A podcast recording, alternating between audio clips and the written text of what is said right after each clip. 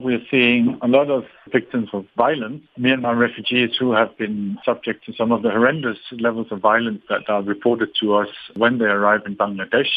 Blast wounds, gunshot wounds. We're also seeing victims of rape. And then, of course, in addition to that, when people have walked for days in a very, very harsh terrain without access to water, without access to food, we're even seeing people dying from dehydration.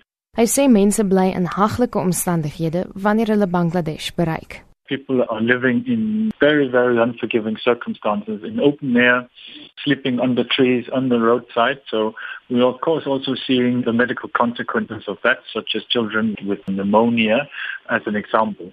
But of course the most concerning is the level of victims of violence we're seeing and the level of violence that they report to us once they arrive in Bangladesh. Dokters sonder grense in samewerking met verskeie ander internasionale organisasies word toegang tot die Rakhine-staat geweier. Myanmar kan glo self omsien na die beseerdes en behoeftiges in die land. We were working there in camps for the displaced Rohingyas inside Myanmar until August this year when our permits to work were revoked. Since then, we have not been allowed back in.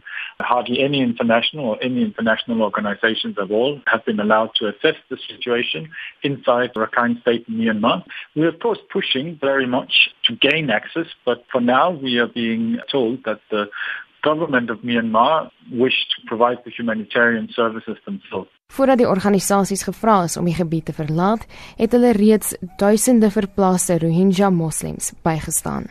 We remain concerned that since we are not allowed to continue, that those thousands of consultations are, are not being provided by anyone else.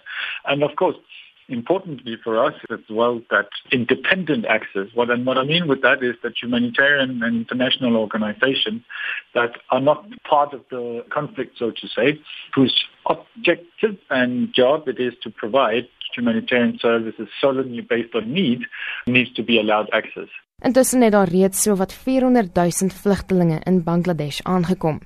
Pedersen sê dis eenvoudig onmoontlik om die nodige aandag aan al hierdie mense te skenk. So on top of a situation where people had limited access to clean water, limited access to healthcare services and food, we now have additional 400,000 refugees the level of services that we have been able to provide and others is simply not enough to assist all of the 400,000 refugees. Dit was Jens Pedersen, dokter sonder grense se senior raadgewer in die gebied van humanitêre beleid en diplomatiek. Ek is Marlene Forsie vir SAK nuus.